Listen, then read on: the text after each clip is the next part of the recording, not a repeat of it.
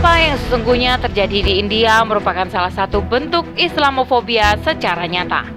Di India, negara bagian Karnataka, pemerintah setempat memerintahkan penutupan sekolah dan kampus selama tiga hari setelah terjadi unjuk rasa yang merespon tindakan beberapa sekolah yang menolak masuk pelajar berhijab.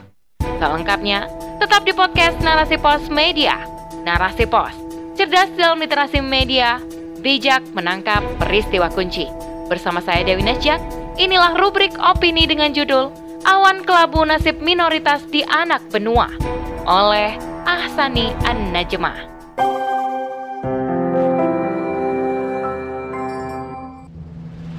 Muskan Khan, namanya menggema di dunia maya. Berkat aksi heroiknya, semua mata tertuju padanya. Ia berhasil mencuri perhatian dunia lantaran keberaniannya bagaikan singa yang mengaum siap menerkam mangsanya. Keberaniannya menghadapi rundungan puluhan demonstran nasionalis Hindu yang melarang perempuan berhijab masuk ke area kampus membuatnya tidak gentar untuk memberikan perlawanan dan menunjukkan keteguhannya sebagai seorang muslimah. Berdecak kagum ribuan mata memberikan dukungan terhadapnya. Apa yang sebenarnya terjadi di India? Gadis belia yang namanya menjadi bahan perbincangan usai berhasil menunjukkan perlawanannya terhadap tindakan diskriminatif pelarangan jilbab di kampusnya. Dalam sebuah video yang menjadi viral, gadis belia itu terlihat memasuki kampusnya saat sekelompok demonstran yang diasosiasikan dengan kelompok nasionalis Hindu mengadangnya masuk ke area kampus karena ia mengenakan jilbab. Saat mereka terus mengejeknya seraya meneriakan Jai Siram, atau kemenangan terhadap Tuhan Ram, Muskan tampil pasang badan dengan jilbab dan kerudung hitam yang menjuntai lengkap dengan maskernya. Muskan meneriakkan balasan pekikan takbir Allahu Akbar, Allahu Akbar tanpa gentar. Muskan Khan dan jutaan muslimah lainnya di India mengenakan jilbab dan burka setiap hari. Kini semua berubah menjadi kontroversial dan pelik dalam beberapa pekan terakhir di negaranya.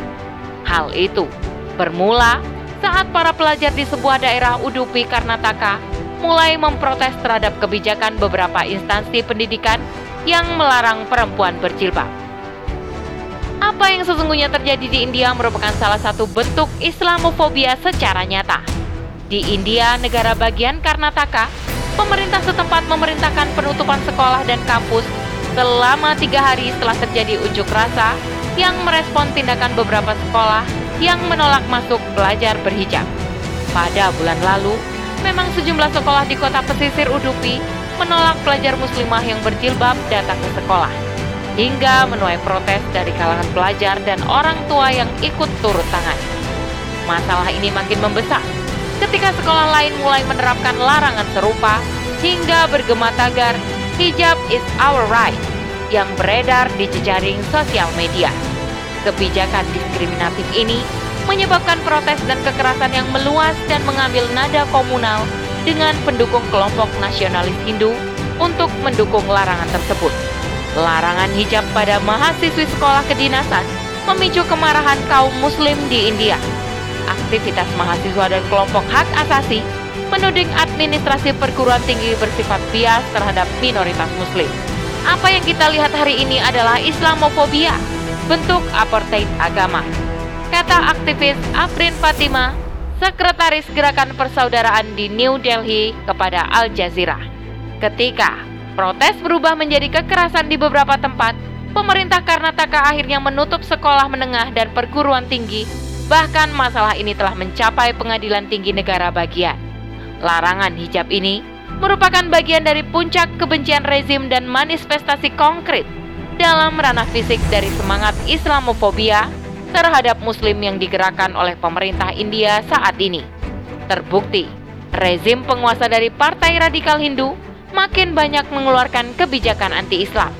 Penguasa di Karnataka dipengaruhi Partai Nasionalis Hindu Bharatiya Janata Party atau BJP di bawah pimpinan Narendra Modi memberikan instruksi pada tanggal 5 Februari bahwasanya semua sekolah harus mengikuti aturan berpakaian yang ditetapkan oleh manajemen sekolah.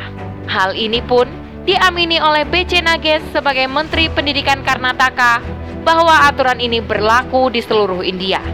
Hari ini, India dipimpin oleh kelompok ultranasionalis Hindu ekstrim yang mempertontonkan kekejaman dan tindakan kekerasan terhadap minoritas Muslim India yang disponsori negara. India berada dalam dekapan Islamofobia yang membabi buta. Lantas, bagaimanakah tanggapan negara yang dihuni oleh mayoritas Muslim? Hal ini pun mendapat respon dari Wakil Ketua Umum atau Waketum MUI Anwar Abbas yang menyesalkan larangan penggunaan hijab di sejumlah lembaga pendidikan di India, terutama negara bagian Karnataka. Menurutnya, tindakan yang dilakukan oleh pemerintah India merupakan tindakan yang mencerminkan Islamofobia dan kebencian yang tampak terhadap rakyatnya sendiri yang beragama Islam. Perlakuan rezim India merupakan perlakuan buruk yang harus ditanggung oleh umat Islam di India, juga sangat menyakiti hati umat Islam Indonesia sebagai negara berpenduduk muslim terbanyak di dunia. Anti diskriminatif terhadap muslim sudah berulang kali terjadi dan bukan pertama kalinya di India. India merupakan negara demokrasi terbesar di dunia. Harusnya malu bertindak diskriminatif terhadap kaum minoritas. Rezim bukan hanya merampas hak, tapi juga sebuah kewajiban mulia dari seorang muslimah yang dipertahankan oleh Muskan. Kisah ini mengingatkan pada kejadian silam di mana ketika Islam berkuasa di anak benua India, perilaku perundungan sebagaimana yang dialami oleh Muskan Khan, yakni seorang putri muslim yang ditindas oleh kerajaan Hindu. Hal ini direspon dengan pelepasan militer dalam kobaran Panji Jihad oleh singa-singa khalifah, yakni pasukan Muhammad bin Qasim. Begitu pula sejarah Islam telah mencatat bahwa daulah Islam memberikan perlindungan dan penjagaan kehormatan wanita sebagaimana kisah seorang laki-laki Yahudi yang mengganggu muslimah di pasar Bani Koinuko hingga auratnya tersingkap.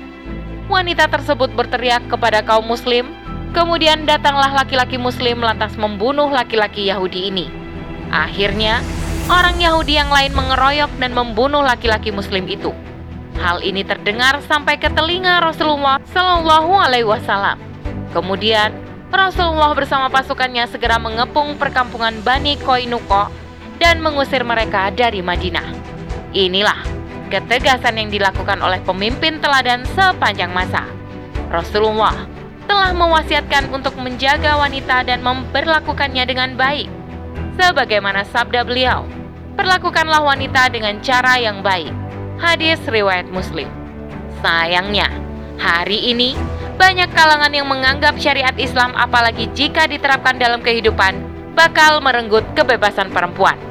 Seiring dengan kampanye Islamofobia di seluruh dunia dan diikuti promosi kesetaraan gender yang digaungkan oleh kaum feminis liberalis.